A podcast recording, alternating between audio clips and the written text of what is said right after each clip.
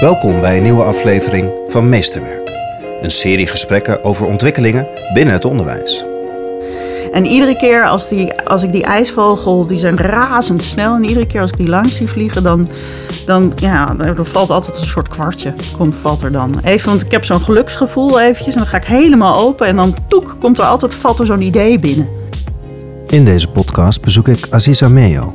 Aziza is lector waarde van vrije schoolonderwijs aan de Hogeschool Leiden. Met haar lectoraat beoogt Aziza de onderliggende waarden en opbrengsten van het vrije schoolonderwijs inzichtelijk te maken. Eigenlijk waar het over gaat, is dat je je realiseert dat het nooit klaar is. Dat er niet een definitieve antwoord is. Dat er niet een definitieve oplossing is of één goede wijze is. Maar dat de wereld bestaat uit miljoenen, miljarden Googleplexion goede antwoorden, mogelijke antwoorden, perspectieven en mogelijkheden. En dat dat niet betekent dat je daarin hoeft te verdwalen. Maar dat dat van je vraagt om daar heel sterk je eigen koers in te gaan zoeken. En daar je eigen ideeën, je eigen gedachten en je eigen perspectief op moet ontwikkelen. Mijn naam is Janja Hubeek. Dit is Meesterwerk. Welkom Aziza in de podcast. Dankjewel Jan-Jaap. We zitten in jouw tuinhuis Mhm. en we hebben, uh, voordat wij met deze podcast starten, hebben wij even de drone de lucht in gedaan. Ja, heel tof. Tussen Ja. de bomen door. Tussen de bomen door. En ik wou heel graag het, uh, um, voor de luisteraar, wil ik eigenlijk uitnodigen om bij, het art, bij de podcast even de foto's te gaan bekijken. We zitten in een tuinhuisje in Amsterdam-Noord, in een natuurlijke omgeving, met allemaal tuinhuisjes, met heel kleurrijk.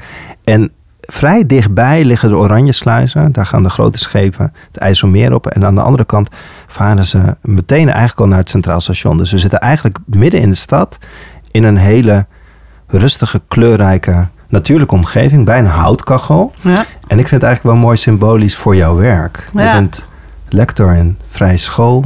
Waarde van het vrije schoolonderwijs heet jouw lectoraat. Waarin je midden in het onderwijs staat. Maar ook op een hele bijzondere, rustige plek. Ik vond het een beetje symbolisch. Ja. Herken je je in dat beeld? Heel erg. Ja, ik hou zelf heel erg van waar, van, van rafelranden. Van waar, als het ware, de natuur in dit geval de stad en de cultuur ontmoet. Dat geeft, ehm, dat geeft spanning. Dat geeft eh, rommeligheid. Maar het geeft ook schoonheid. Laat zo mooi, als het ware de eigenheid van beide van die kanten, die, kunnen, die, die worden versterkt door het contrast met de ander. En dat vind ik echt te gek. Ik stond daar een uurtje hiervoor stond ik op de dijk. En dan kijk je letterlijk uit over het water naar de stad. En je draait je om en je kijkt naar, naar het waterland. En je ziet die natuur. En de, de fazanten lopen daar rond. En de ganzen en de zwanen scharrelen daar rond. En ja, ik, ik hou van waar die, waar die werelden elkaar ontmoeten. En daar je weg in vinden. De schoonheid kunnen zien. En zoeken naar hoe die twee kunnen bestaan zonder elkaar geweld aan te doen. Hoe ze misschien elkaar wel zouden kunnen gaan versterken. Of waar ze kunnen groeien van elkaar. Waar iets, ook misschien wel iets heel mooi, nieuws, onverwacht zou kunnen bestaan en ontstaan. Wat we eigenlijk niet, niet kennen of niet verwachten. Ja, daar hou ik van. En als je dat relateert aan je lectoraat, Mhm. gebeurt dat ook in jouw lectoraat? Ja, dat hoop ik. Dat hoop ik. Daar zoek ik wel altijd naar. Ja, dat is een van de redenen dat ik eh, toen deze positie kwam, dat ik het interessant vond om, om te kijken of, het, of dat iets voor mij zou zijn, was dat het, dat het uitnodigde om de dialoog te voeden tussen de wereld van het vrije schoolonderwijs en ja, de, de mainstream onderwijswereld of het reguliere onderwijs zou je kunnen zeggen. Of alles wat buiten het vrije schoolonderwijs ligt. Ik heb zelf op de vrije school gezeten. En ik denk dat dat heel goed voor mij is geweest als kind. Ik heb daar ongelooflijk veel van meegekregen en in kunnen leren. Maar ik heb me er ook altijd heel erg tegen verzet. En ik ben er ook heel vaak heel boos op geweest. En, uh, uh, ik vond het ook ingewikkeld. En ik vond het ook ingewikkeld toen ik na de vrije school de universiteit inging. Dat dan docenten tegen me zeiden in, uh, in sessies die er waren. Zeiden ze, oh jij bent dus zeker zo een van de vrije school. Zo'n beetje op zo'n zo'n toon. En ik dacht van, waarom zeg je dat nou tegen me? Wat bedoel je daar nou mee? En komt dat dan door de school? En wat is dat dan? Wat daar, wat daar blijkbaar iets, iets is dat het afzet tegen wat je gewend bent. Of wat, wat is het? Kan je duiden? Ja, voor mij is het wel dat je dat je doorkijkt, dat je je verbindt, maar ook dat je eigenlijk altijd op zoek gaat naar hoe de kleine dingetjes passen in het grotere geheel.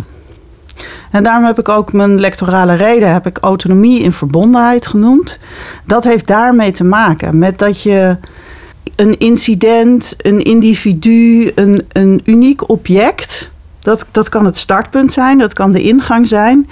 Maar het staat nooit op zichzelf. Het krijgt schoonheid, het krijgt waarde, het krijgt betekenis, het krijgt kracht. Op het moment dat het zijn plek inneemt in een groter geheel, in een context. Dat het daar vanuit zijn eigenheid verschijnt, als het ware, of is.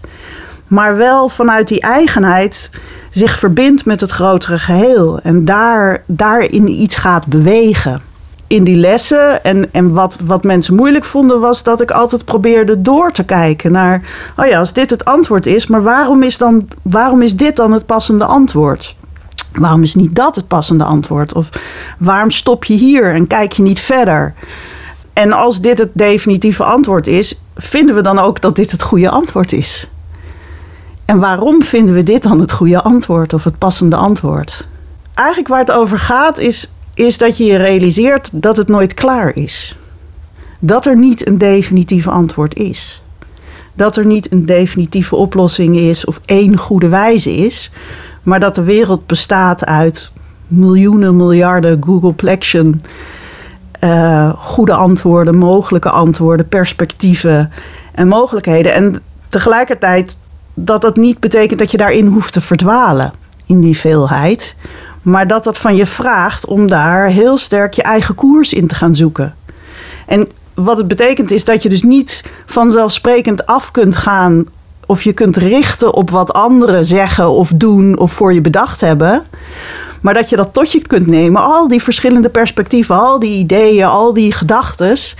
En dat je die tot je moet nemen en daar je eigen ideeën, je eigen gedachten en je eigen perspectief op moet ontwikkelen. Is dat volwassen de wereld staan eigenlijk? Wat je nu zegt, ik moet aan John Dewey eh, denken. Hè? Die, die zegt van, eh, in ons onderwijs moeten we eigenlijk opleiden om je te kunnen verhouden tot je, met name ook je sociale omgeving. Bista noemt het natuurlijk ook zo. Ik denk dat het een onderdeel van dat volwassen in de wereld zijn is. Ja, dus dat je, dat je zicht krijgt op wat voor jou betekenisvol is en waardevol is. Maar volwassen in de wereld zijn gaat nog wel een stapje verder. Want wat voor jou betekenisvol en waardevol is, kan ook heel egocentrisch zijn. En voor mij betekent dat volwassen in de wereld zijn dat je dat wat voor jou waardevol is ook toetst aan, als het ware, wat voor, voor de ander en het andere en het grotere geheel waardevol is. Dus het staat niet op zich. Het is een een voorwaarde om tot volwassenheid te komen, maar het is nog niet voldoende, denk ik. In hoeverre in, in, in die zoektocht in jou eigenlijk er ook soms als een schaapshond omheen lopen, misschien hè, om de antwoorden heen. Hoe ver is die vrije school belangrijk geweest? Of zit het ook, uh, was, je, was je ook zo naar dingen gaan kijken als je niet op een vrije school had gezeten? Hoe vormend is dat voor jou geweest? Nou, toen ik dit werk ging doen, toen realiseerde ik me voor het eerst hoe ongelooflijk ik gevormd ben door het vrije schoolonderwijs. Had ik me nooit zo gerealiseerd. Nee, nee ik vond mezelf altijd wel, uh, nou, misschien wel helemaal niet zo'n typisch vrije schoolleerling. Of, uh, ja, weet je, ik, ik, ik, nee, wat ik zei, ik had me er altijd ook wel erg tegen verzet en boos gemaakt. En, Waar zat dat in? Nou, wat ik heel ingewikkeld vond, was dat er um, dat docenten. Um, niet in hun mening verschenen. Dus ze, ze, ze, presenteren beelden en ze geven ideeën en ze geven verhalen en, en, en biografieën van mensen aan je mee en, en lesstof. Maar zelden of nooit zal gezegd worden: dit is hoe het is. Of dit is, dit is waar. Of dit is waarachtig. Ja. En daar was ik ook wel naar op zoek. Ook om mijn eigen beelden te toetsen. Dus ik, ik, had, ik ontwikkelde mijn eigen beelden. Maar ik wilde die heel graag kunnen scherpen ook aan de ander. In het vrije schoolonderwijs, bijvoorbeeld bij het periodeonderwijs, word je heel erg uitgenodigd om met je eigen betekenisverlening dat in te brengen en daar met elkaar in gesprek te gaan. Maar heel vaak stokt het gesprek bij het, zeg maar, het delen van de beelden met elkaar. Dus het echt op het scherpst van de snede elkaar daarin bevragen en prikken en prikkelen en, en doorgaan. Dus meer de, ja, ook zoeken waar het, waar het schuurt nog. Dus niet alleen maar de schoonheid ervan zien, maar ook zien waar het schuurt en zoeken van wat vraagt dat dan om verder te komen met elkaar. Daar had ik echt honger naar. En dat, eh, dat kon ik niet, dat heb ik niet zo ervaren daarin. En daar, dat kwam ik, ontmoet ik natuurlijk veel meer op de universiteit. Maar daar, wat daar voor mij dan weer schuurde, was dat ik vond dat het niet de beelden van de mensen zelf waren. Maar dat ze gewoon herkouden wat ze dan ergens gelezen hadden. Of wat iemand anders gezegd had. Of wat de data van, van je onderzoek zeiden. En dat vond ik dan, ja, vond, dat, dat, ging me, dat ging me ook niet, gaf me ook niet die voldoening die ik zocht. kort door de bocht. Is het ook de reden dat je in, in het lectoraat waarde van het vrij schoolonderwijs bent gestapt? Vijf jaar geleden stond dat tussen? Of, of zes? Zes? Zes? Om, om juist die prikkeling te gaan zoeken, waar de, waarom dat, dat in zit? Nee, dat vond ik dus wel heel spannend om te kijken of ik, of ik dat kon gaan, kon gaan verkennen, juist ook met mensen van de vrije school. Omdat ik dat dus niet eerder die ervaring. Ik had het gevoel dat dat niet zo goed kon. Mm. En ik had het idee dat dat, eh, dat het ontwikkelen van het lectoraat daar een uitnodiging toe was. Dat er, dat er ook een verlangen op zat. En dat klopt ook. Dat, heb ik, dat is echt wel iets wat ik ervaren heb en wat ik ook heel erg waardeer in de ontmoetingen die ik de afgelopen jaren heb gehad. Dat ik heb het idee dat er ongelooflijke bereidheid is om te kijken en opnieuw te denken en, en het te scherpen en het eh, ja, te openen en, en in de wereld in dialoog te zijn met de wereld, maar ook met jezelf.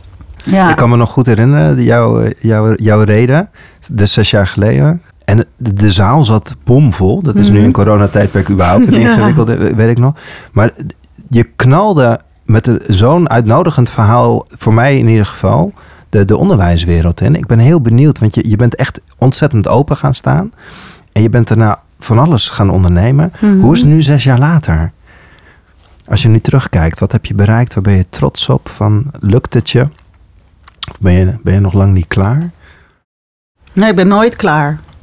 Maar eh, dat wil niet per se zeggen dat ik niet. Ja, dat zit op heel veel gebieden, denk ik. Waar ben ik trots op? Ja, ik ben, ik ben trots op, op het gesprek wat is ontstaan. Ook door die, door die lectorale reden. Dat dat thema autonomie en verbondenheid. En dan met name dat stuk autonomie. Dat dat echt een onderwerp van gesprek is geworden. Daar ben ik wel. Dat, dat is echt in de klassen, in de scholen, in de lerarenopleiding. Is dat echt gewoon. Ja, is bijna niet meer weg te denken. Dus ik ben natuurlijk bij heel veel scholen geweest de afgelopen jaren op bezoek. Voor lezingen, voor onderzoek, voor gesprekken, voor van alles, observaties. En heel vaak zie je dan ergens de kernwaarde, in de kernwaarden zie je autonomie terugkomen nu. En dat was voor die tijd was dat veel minder het geval. Dus daar ben ik, daar ben ik wel trots op. Op dat, dat dat zo geland is en dat mensen het opgepakt hebben. En er hun eigen, hun eigen verhaal van zijn gaan maken. Dus het is, ik heb niet het idee dat het mijn verhaal is wat zij over hebben genomen. Maar dat het iets geopend heeft. En dat ze hun eigen verhaal daarmee zijn gaan vertellen. Is het ook breder dan alleen de vrije school? Ja, ik denk het wel.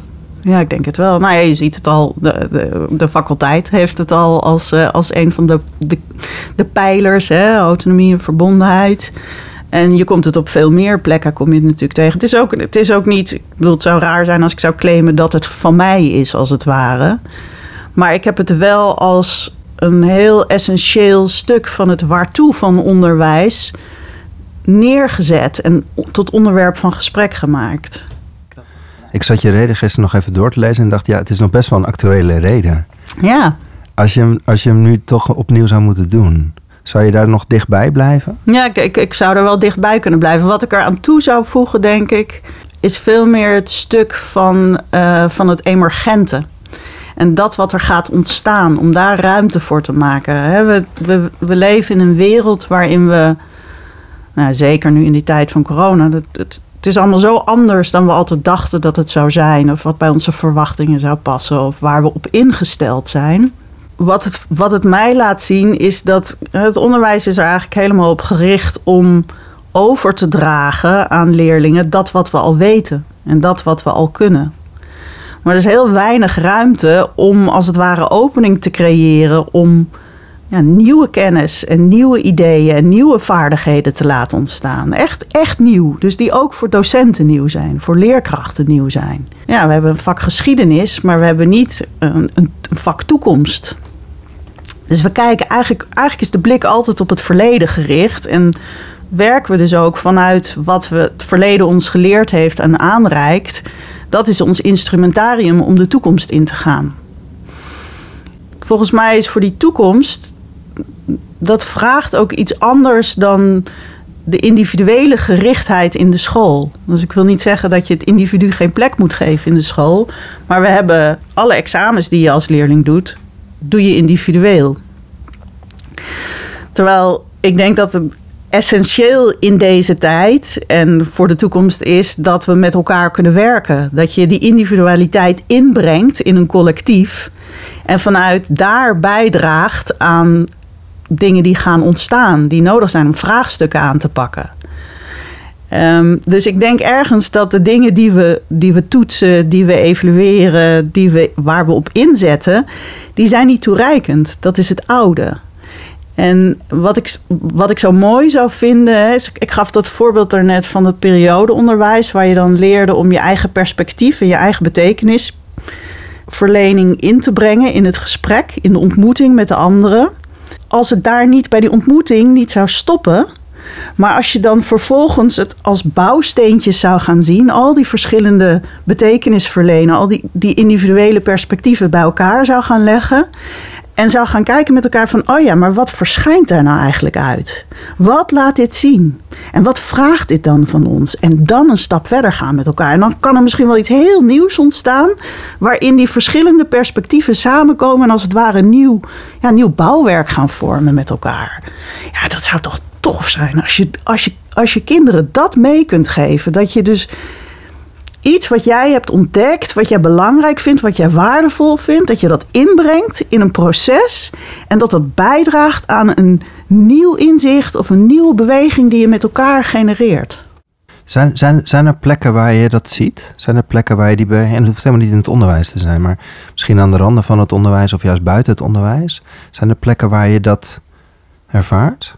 Ja, voor mij is kunst altijd wel een plek waar dat op gebeurt. dus, eh, ik zag laatst zag ik een, ehm, misschien was het wel van Tegenlicht, een documentaire. Het ging over eh, een collectief dat kunst maakt met, met drones. Van die lichtkunst in, de, in, de, in de hemel. En dat ze die drones gingen ze laten zwermen. Ja, het oud en nieuw was dat ook. Ja, ja. ja. En, en dat proces, hoe ze daar dan aan werken waarbij je dus echt je kennis, je vaardigheden, hè, de kwalificatiekant van het onderwijs inzet. Maar met elkaar iets gaat proberen te realiseren wat er gewoon nog niet was, wat er niet bestond.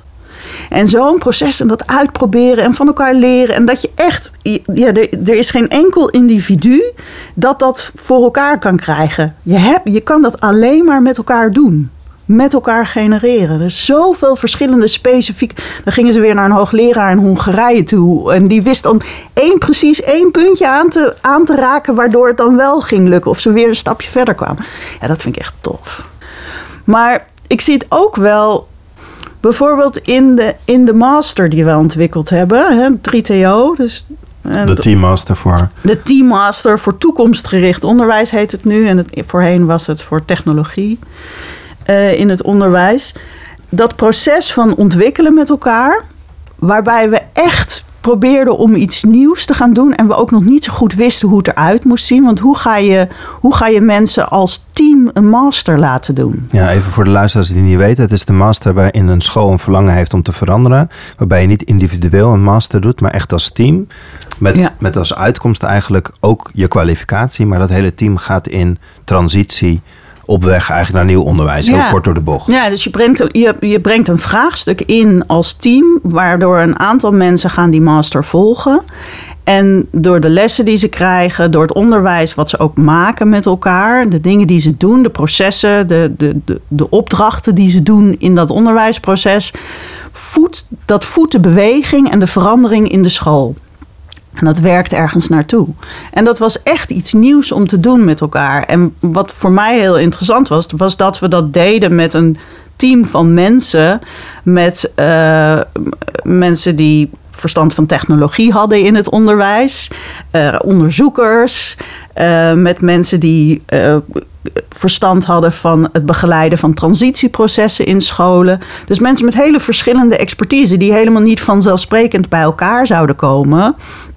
Maar de verbindende factor was hoe geven we goed onderwijs en hoe geven we betekenisvol onderwijs in de zin van dat het onderwijs is dat niet alleen tot een diploma leidt, wat mooi is natuurlijk, maar wat echt bijdraagt aan een duurzame verandering in de school, waar het op betrekking heeft, maar misschien ook wel op, groter, op, op grotere schaal, op de manier waarop we kijken naar het opleiden van professionals in het onderwijs. Ja, echt een mooi voorbeeld waarbij het echt eigenlijk, hè, als we teruggaan naar die ballen van Bista, waar ze echt bij elkaar komen. Hè? Dus er zit ja. een deel kwalificatie, je haalt een masteropleiding. Maar die school die verandert in zijn geheel. Ja, en dat is, dat is, ook, dat, is ook dat stuk socialisatie zit ja. erin. Je bouwt echt een andere cultuur met elkaar.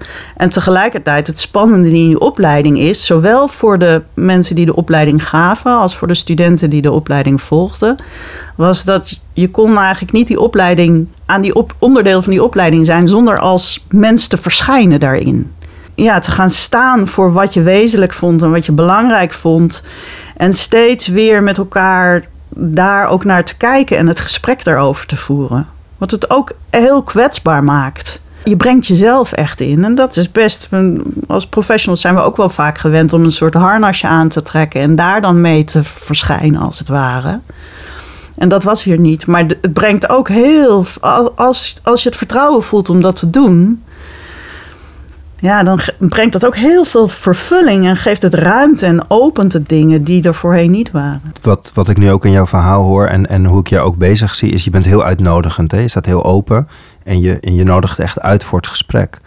Ik ben ook wel benieuwd of het dan ergens schuurt of waar het ergens ingewikkeld wordt en, en hoe je je dan beweegt. Dus ben jij in die paar jaar met, met scholen of vanuit je lectoraat ook dingen tegenkomen waarbij het echt gewoon ja, je, je zegt heel veel mislukt. Ja? ja? Ja, er gaat ook heel veel mis. Ik probeer natuurlijk altijd ook naar voren te kijken. Hè, van wat ik denk van wat is er niet alleen nu aan de orde, maar wat gaat er ook in de toekomst aan de orde zijn? En wat is daar dan voor nodig? En dat zijn dan als het ware ideeën of verlangens die soms wel best nog ver weg liggen van het, van het, het, het normale in het hier en nu. En mensen kunnen dan wel enthousiast zijn, zo van, oh ja, dat wil ik ook wel.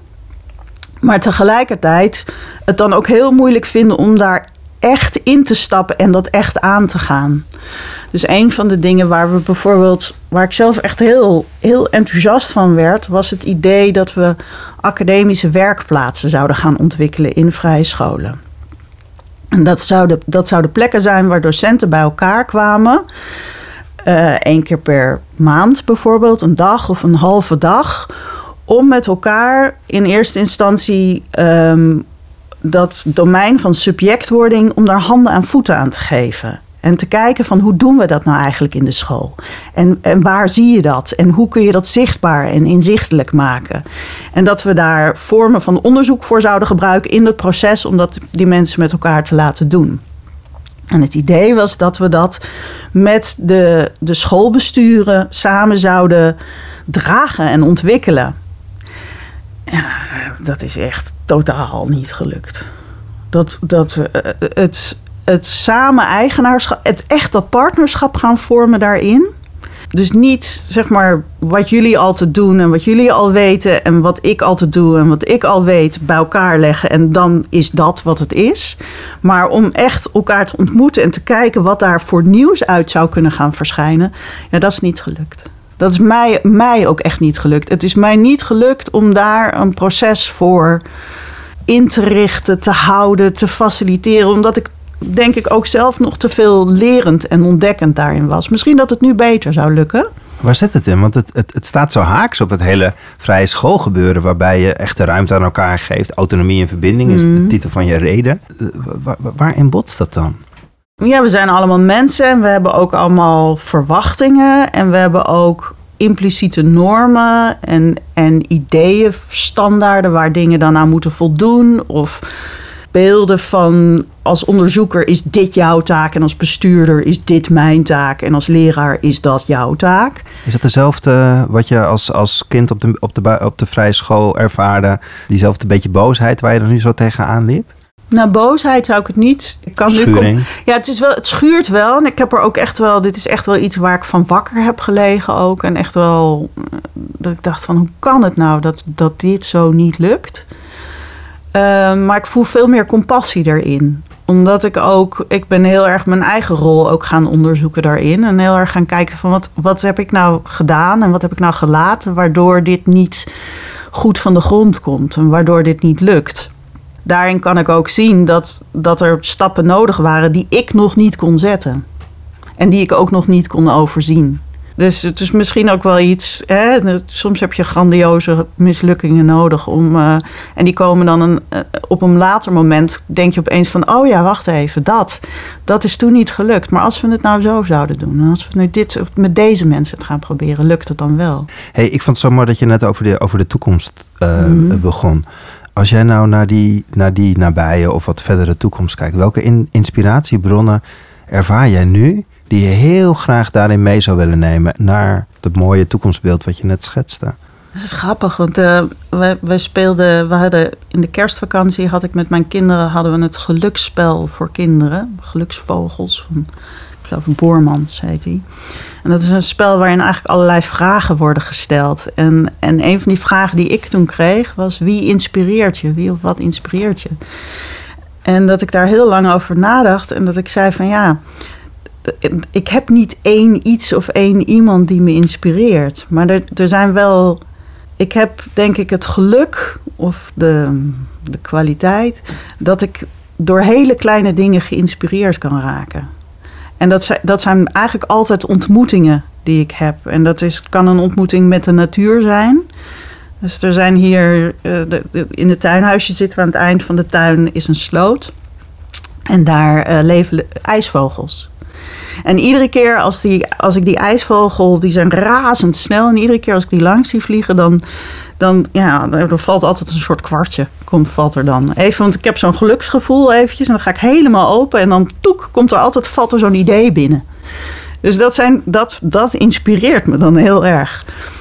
Maar ook de ontmoetingen met mijn eigen kinderen. Maar ook met kinderen in scholen als ik daar ben door als het ware te proberen door hun ogen naar de wereld te kijken. Dus niet, mijn, niet vanuit mijn eigen perspectief, maar echt proberen met hun mee te kijken in wat ze dan doen. Um, ik heb voor de vakantie heb ik, had ik nog net voordat de boel weer in lockdown ging, ben ik op, op een middelbare school waar ik al een aantal jaar mee werk, heb ik weer geobserveerd in de klassen. En ja, dat inspireert. Dat soort momenten. En niet alleen dan die observatie, maar ook om achteraf dan um, mijn aantekeningen door te kijken en daar een verhaal van te maken. En het weer bij elkaar te brengen. Kunst. Kunst inspireert altijd. Muziek kan inspireren. Beeldende kunst heel sterk. Daar heb ik het heel sterk mee. Een mooie film. Een mooi boek. Uh, ja, het kan zoveel zijn. Het kan zoveel zijn waar ik echt heel veel vervullingen uit haal. Trots is niet, trots is niet helemaal een. een uh, Goeie term. Ja, dat, dat past niet. Ik ben niet. Ik heb niet nee. zo snel dat ik trots ben ergens nee. op, maar ik kan wel heel erg vervuld zijn ergens door. En dat is denk ik voor mij het gevoel wat er het dichtst bij komt. Is um, hoe ik werk met de mensen uit de kenniskring. En hoe we als kenniskring werken met elkaar. En dat heeft echt een ontwikkeling doorgemaakt.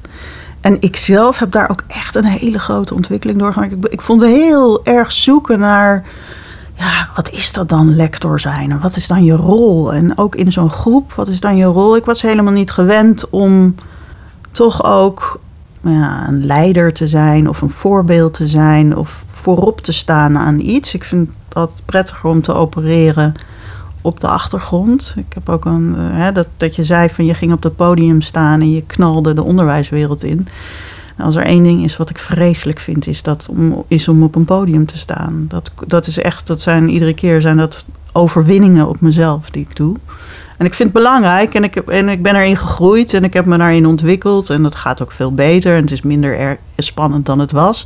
Maar het is, ik zal het nooit, ik zal het nooit zeg maar uit mezelf zeggen van... Nee, goh, zal ik eens even op het podium gaan staan? Nee, dat is, Nee. echt, dat is echt niet wie ik ben. Maar in die ontmoeting met de, met de mensen van de kenniskring... en hoe we daaraan gewerkt hebben, de manier waarop we werken...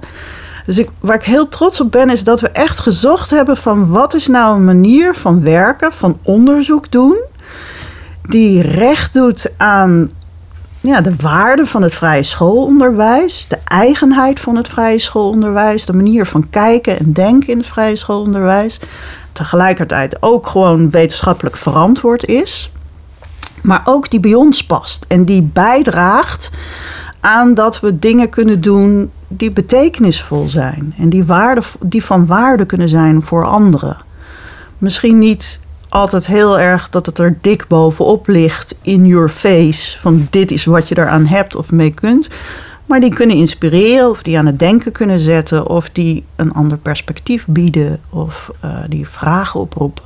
Ja, even voor de, voor de mensen die het niet weten. Je, je, hebt, je hebt in jouw lectoraat een kenniskring. Dat zijn mensen van verschillende scholen die bij jou in je lectoraat bijdragen aan het, aan het onderzoek. Hè? Dus, Ja, het zijn allemaal mensen die in het onderwijs werken en die een eigen vraagstuk uit hun praktijk hebben wat ze willen gaan onderzoeken. En wat ik gedaan heb in eerste instantie met de eerste groep mensen die ik daarvoor bij elkaar, dat waren zeven mensen geloof ik, heb ik gezocht naar mensen die een vraagstuk hadden wat raakte aan dat thema van autonomie en verbondenheid. Zodat dat als het ware de kern van de onderzoeken kon vormen.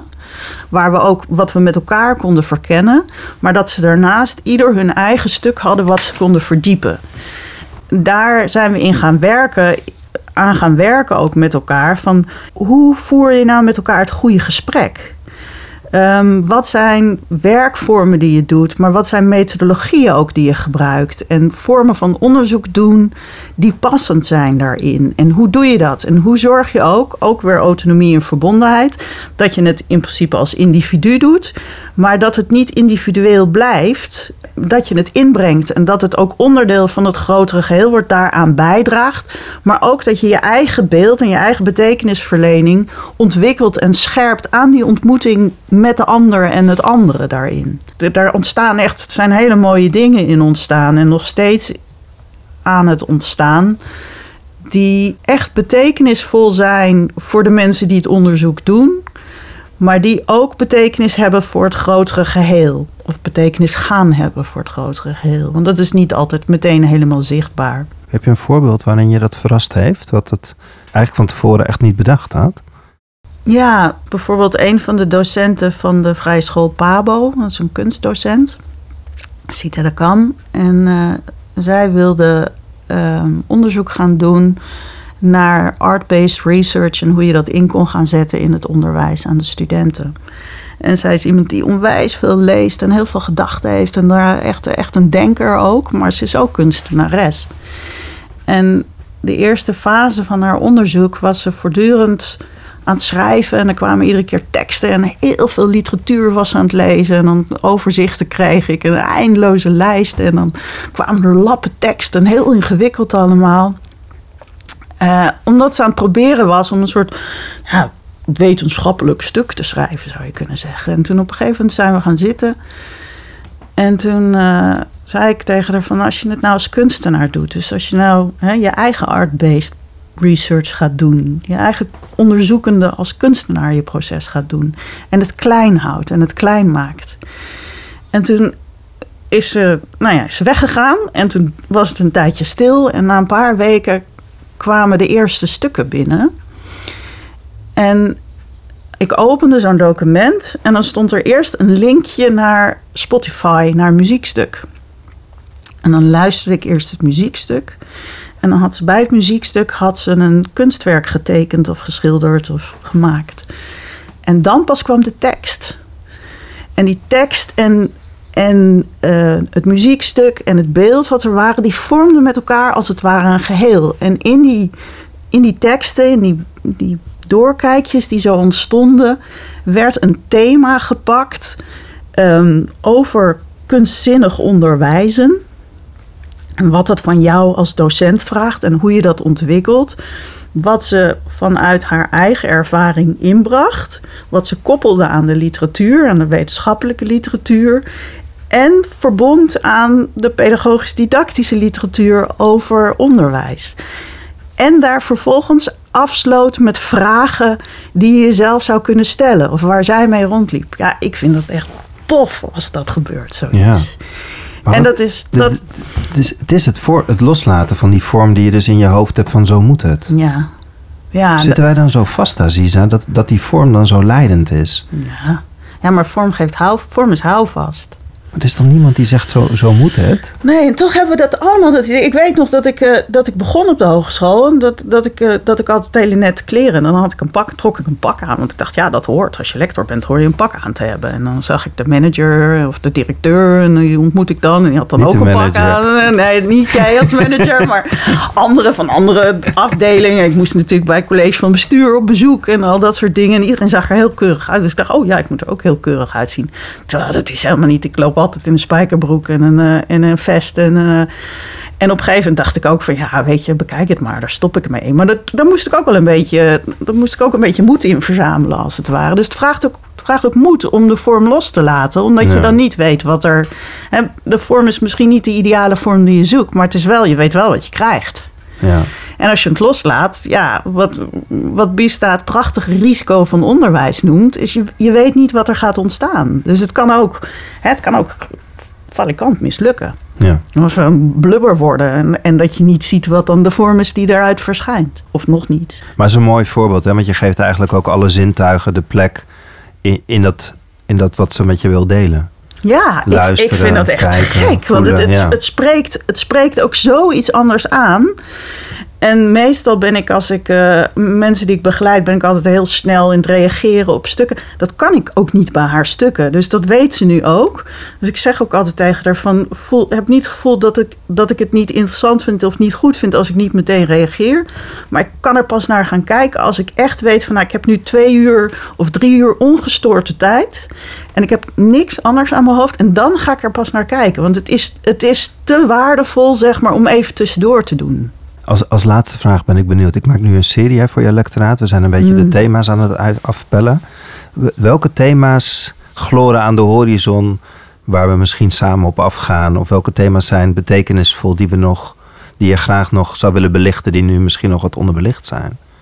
Liggen die daar? Ja, die liggen er wel. Ja, kijk, eh, waar we het al over gehad hebben, is dat, dat emergente, hè? dat Ja. in die toekomst, dat openen in die toekomst. Nou, dat zou, ik wel, dat zou ik wel tof vinden om dat te verkennen. Ook gewoon, want ik denk dat er, er moeten natuurlijk gewoon ook mensen in het onderwijs zijn die dat wel doen. Dus er zijn leraren die dat in hun lessen met kinderen gewoon al doen. Misschien niet heel bewust en misschien niet de hele tijd, maar daar zijn voorbeelden van te vinden. Nou, dat Ja, zou dus mensen die luisteren, ja, als je, als, je het, als je het idee hebt, dat ben ik, Ja. of, dat, of dat wil ik. Nou, kom Cool. maar op. Dan gaan we, dat, gaan we dat doen met elkaar. Dat zou ik heel tof vinden. Maar een ander vraagstuk is, ehm, is ook het vraagstuk van diversiteit en inclusiviteit. En dat is een vraagstuk wat in de hele samenleving speelt. Hè. Zeker nu in coronatijd met dat de scholen dicht zijn of op afstand onderwijs. Dat laat zo de verschillen zien in, in de, de kansenongelijkheid zien tussen kinderen. En hoe belangrijk het is wat je meekrijgt vanuit huis, vanuit school. Vrije scholen hebben denk ik ongelooflijk veel in huis om eigenlijk voor ieder kind een goede plek te kunnen bieden. Er zitten aspecten aan het vrije schoolonderwijs waarin het, het start bij de relatie en het gaat over het, het kind dat mag verschijnen in wie het is en wat het kan en wat het nog niet kan en hoe het lerend is en hoe het in de wereld wil zijn. En gebed is in, ehm, in de gemeenschap, in de klas, in het geheel. Dus dat zijn prachtige aspecten daarvan waarin eh, juist als je ieder vanuit je eigenheid mag verschijnen daarin, is er ook ruimte voor iedereen. Eh, En tegelijkertijd zijn de, scholen, vrije scholen natuurlijk bij uitstek scholen waarin ouders, de, leerlingpopulatie uit gezinnen komt die hoog opgeleid zijn en eh, ja, met een lelijk woord, witte hoogopgeleide gezinnen Alhoewel er, ik vind dat het opvallend veel kinderen zijn van, uh, van uit gemengde relaties. Niet per se zeg maar de klassieke, klassieke nee, kansarme wel... groepen. Dus, dus er is heel veel diversiteit, maar niet de diversiteit waar we vaak naar kijken met kansenongelijkheid nee. bijvoorbeeld. Terwijl het vrije schoolonderwijs is oorspronkelijk opgericht 100 jaar geleden om kinderen van arbeidersgezinnen als het ware ja, kansen te bieden en, en, en zich uit te nodigen, zich te ontplooien en een plek in te gaan nemen in de wereld en bij te dragen op hun manier. En over de hele wereld zijn allerlei initiatieven van vrije schoolonderwijs juist ook in gemeenschappen waar heel weinig geld is of heel weinig kansen zijn. En, en, en ook hele diverse culturen daar onderdeel van zijn. Dus ik denk dat die potentie er is, maar dat het nog niet lukt om het te ontsluiten. En ik zou dat zo graag willen kijken hoe we dat kunnen ontsluiten met elkaar. En ik denk dat daar, daar is ook echt wel een verlangen naar. En ik zie ook echt mooie dingen gebeuren in vrije scholen. Bijvoorbeeld dat ze echt de jaarfeesten die altijd heel, heel belangrijk onderdeel zijn van het, van het leven en de gemeenschap en het ritme van de vrije school. Heel wezenlijk daarin. Maar dat met elkaar gekeken wordt van wat is nou eigenlijk de, de boodschap die onder de vorm van het jaarfeest. Want het zijn allemaal heel, best heel christelijke ingezette of met een ja, christelijke signatuur, die feesten. Maar een, een Michaelsfeest bijvoorbeeld, wat, wat is nou de, de boodschap die daaronder ligt? Ja, dat is een boodschap over moed en over delen en over uh, compassie. En um, wat voor vormen zou je daar dan bij kunnen zoeken? Die ook kinderen die niet in een christelijke traditie of met christelijke beelden opgroeien of er anders uitzien, ook uitnodigen om zich daar onderdeel van te voelen. En dat moeten we volgens mij doen. Dat steeds weer. Want het is, eh, wat eronder ligt, die intentie, dat, is, dat gaat over menselijkheid en over basale menselijke waarden. En die vormen, ja, die zijn er gewoon bij ontstaan. En die hebben zich uitgekristalliseerd. En die hebben schoonheid en die hebben waarde in zichzelf. Maar dat betekent niet dat we ze altijd vast moeten houden of overal vast moeten houden. Juist niet, denk ik. Nee, mooi. Te, ik heb heel veel zin om daar vragen op te stellen. Maar dat gaan we in een andere keer doen. Ja. Want ben ook heel benieuwd hoe je dan kijkt naar taal en het, het talige deel van de ja. Maar daar gaan we dan een andere keer over doen. Gaan we doen. Spannend. Mag ik je danken, Aziza, voor dit mooie gesprek in je fijne tuinhuis. Dankjewel, Janja. Dankjewel, Aziza. je luistert naar een podcast in de serie Waarde van het Vrije Schoolonderwijs, waar leden van de kenniskring inzichten en vragen delen over het vrije schoolonderwijs. Daarnaast komen in deze serie mensen aan het woord die vanuit hun ervaring of expertise hun licht laten schijnen op het vrije schoolonderwijs. Like deze uitzending, zodat meer mensen ons makkelijker kunnen vinden. Tot de volgende aflevering in deze serie.